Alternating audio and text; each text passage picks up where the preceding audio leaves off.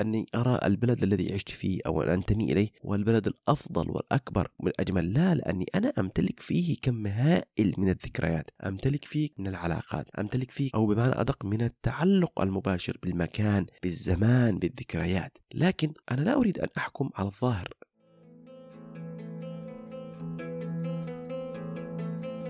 هذا البودكاست من إنتاج شبكة امتنان.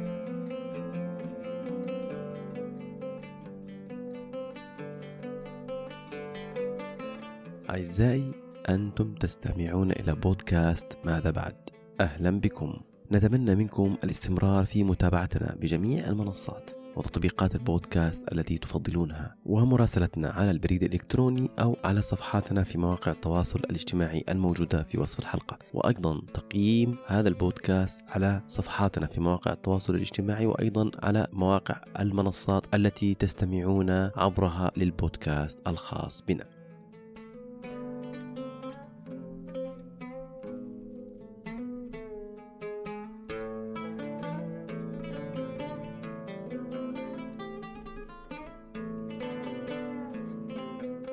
أعزائي في هذه الحلقة سأنطلق من بعد خاص في تقييم حال المجتمعات العربية والغربية. كيف نرى أنفسنا وكيف يرون أنفسهم؟ وأيضا كيف نراهم وكيف يرون؟ في طبيعة الحال هناك حالة من الاختلاف من الصعب بمكان أنك آه، تقنع الآخر بنفسك أو تقنع نفسك بالآخر. ولكن هذه الحلقة أنا سأحاول أن ألفت النظر عبر فيديو انتشر في وسائل التواصل الاجتماعي بشكل أو بآخر. سأعرضه مع هذه الحلقة وسأنشره في كل الصفحات الخاصة بهذه الحلقة على يوتيوب وعلى المنصات الأخرى على تويتر وعلى إنستغرام. حتى أستطيع فقط أن أتكلم وأقول أن هناك خير في كل مجتمع وأن هناك قيم في كل مجتمع. ليس بالضرورة أن أرى مجتمع الخاص بي أنا هو المجتمع الأجمل هو المجتمع الأكبر هو المجتمع الأفضل. I know that you guys are working really hard, especially through the pandemic. Um, so I wanted to tip you a thousand dollars. Are you serious? Yeah. So that's for you. Oh my god. You have no idea what you have done for me. I lost my baby just three months ago. Oh my goodness. And I have hospital bills and thank you. Thank you. God bless you.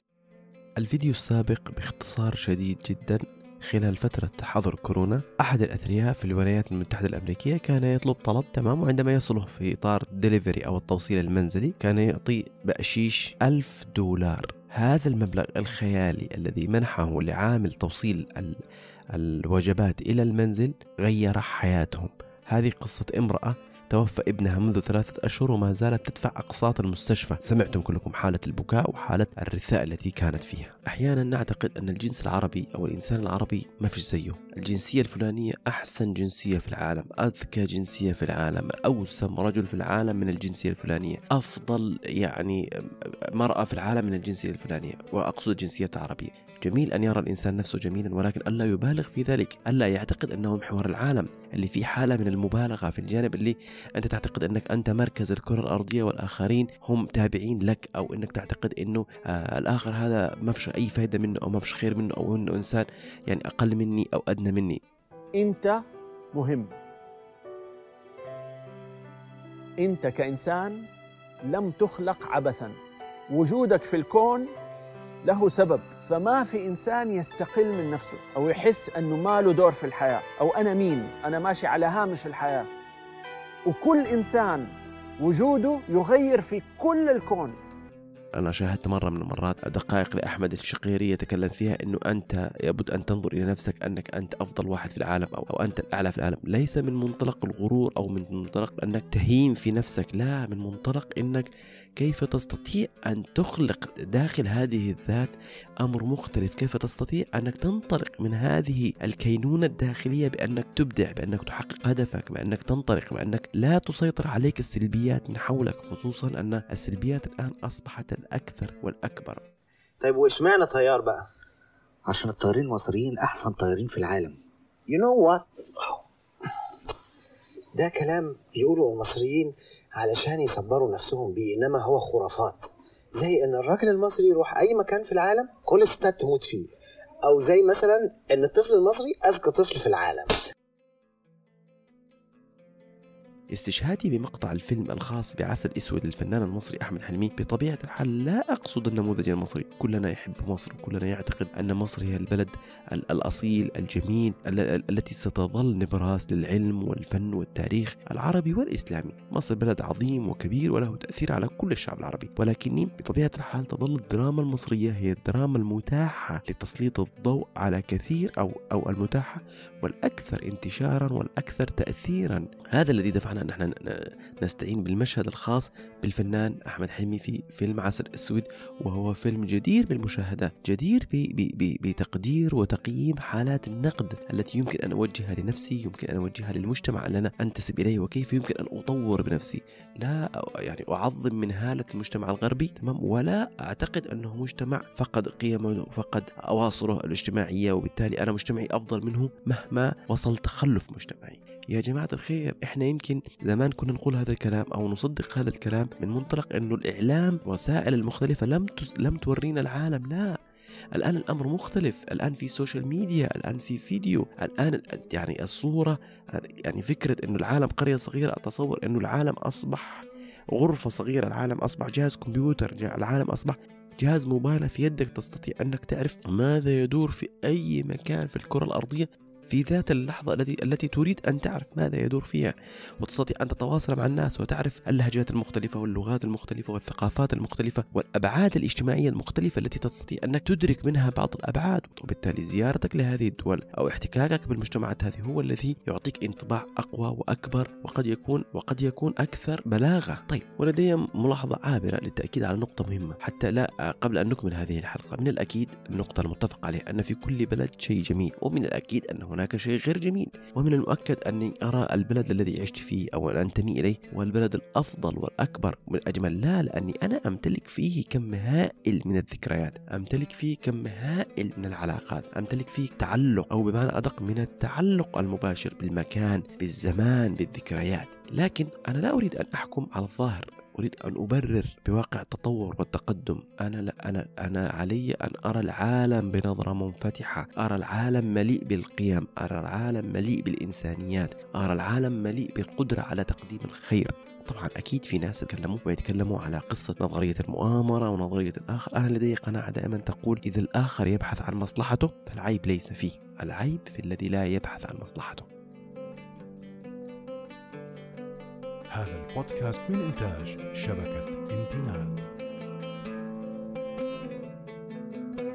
أنا أتكلم عن الآخر حتى مش فقط في أوروبا أو في أمريكا أو في كندا لا أتكلم على الآخر في آسيا وشرق آسيا. أتكلم على الآخر في أفريقيا. أفريقيا اليوم تتقدم. أفريقيا اليوم تستقر. أفريقيا اليوم تقدم نموذج مختلف من ال...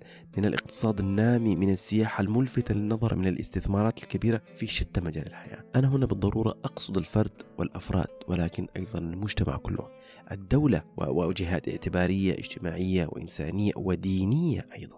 يعني أنا لا أدافع عن هذا الغرب تمام؟ ولا أذم العالم العربي ولكن الفكرة بالضرورة أن هناك حالة من النظام. عندما تستيقظ وأنت في أي دولة أوروبية أو المبتعثين الموجودين في أمريكا وكندا عندما يروا ال- ال- الأم أو الأب عندما يستيقظ من الساعة الخامسة ولا السادسة صباحا يأخذ أولاده إلى المدارس ويعود مرة أخرى ويرجعهم. هذا النظام السيستم الخاص بهذه الدول الذي يحاول أن يقدم الرعاية التعليمية والتثقيفية والاجتماعية لهذا السن حتى يسهم في استمرار نهضته ويسهم في استمرار سيطرته على العالم. هذه المجتمعات لم تتطور وتصبح العالم الأول إلا عندما أدركت أنها تعطي لكل شيء حقه. مثلما انتقد الغرب في تعميم بعض القواعد السلبية التي يعني التي يرونها في العالم العربي أو الإسلامي. نحن أيضا نقوم بنفس الشيء. أنا هنا أقدم حالة وأشرحها بالطريقة التي أراها مناسبة. في الغرب أكيد في سلبيات لكن أنا لا أترك كل الإيجابيات الخاصة بالعلم والصحة.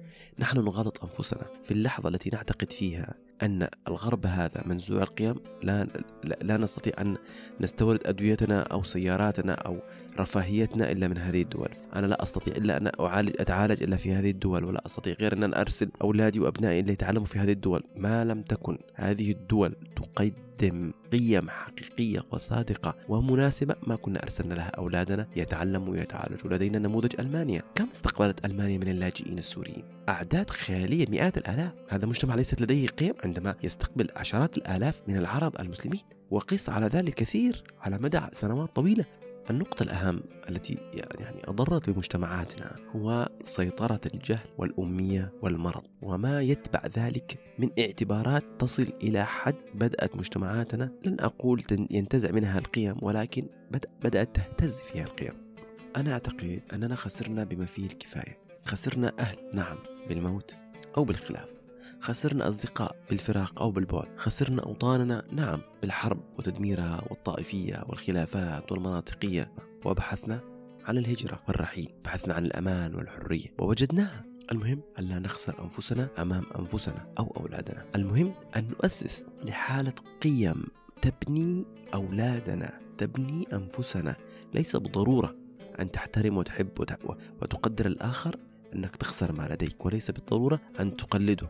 هذه السلبيات للآخر. على فكرة الآخر مش شرط بس يكون الغرب الآخر البيت اللي جنبي. الآخر ل ال اللي معايا في حساباتي في ال social media. إن أنا لا أعتقد أنه لا أنا عندي استعداد ومترصد للتنمر منه للاستهزاء منه لي, لي يعني أن أنا أقضي عليه لفظيا ونفسيا واجتماعيا بكل ما أوتيت من قوة. نحن بحاجة إلى أن نحب أنفسنا. ونحب الآخر ونحب الحياة نحب أولادنا ونحب أوطاننا. الوطن مش نشيد وطني أو أغنية نسمعها عابرة لفنان مؤثر وكلمات بلحن حالمة. لا الوطن كيان يعيش فينا ونعيش فيه. الوطن كيف أحافظ عليه؟ كيف أعيش في تاريخه؟ ولكن لا أزايد به. كيف أستطيع أن أتعلم من قيمه كيف أستطيع أن أخلق حالة من الحوار وحالة من فهم الآخر وحالة من الرغبة بالخير للآخر. الكلام هذا قد يظهر إنه في حالة من المثالية وممكن شخص يقول لك وأنت الآن جاي ببعض الكلمات تعتقد ان أنا ممكن اتجاوزها أنا لا أريدك أن تتجاوزها لكني أريدك أن لا تزرعها في ابنك. أنا لا أريدك أن تتجاوزها ولكن لا أريدك أن تورثها للأجيال القادمة. أنا لا أريدك أن تتجاوزها ولكن أريدك أن تزرع في ابنك إذا لم تحب الآخر أو لم تعتقد أن الآخر يمكن أن يكون صديق أو قريب لي ألا أدمره لأني أنا إذا دمرت الآخر حتى بكلمة. فهذا مشروع لتدمير نفسي وذاتي كشخص أو كمجتمع أو كوطن.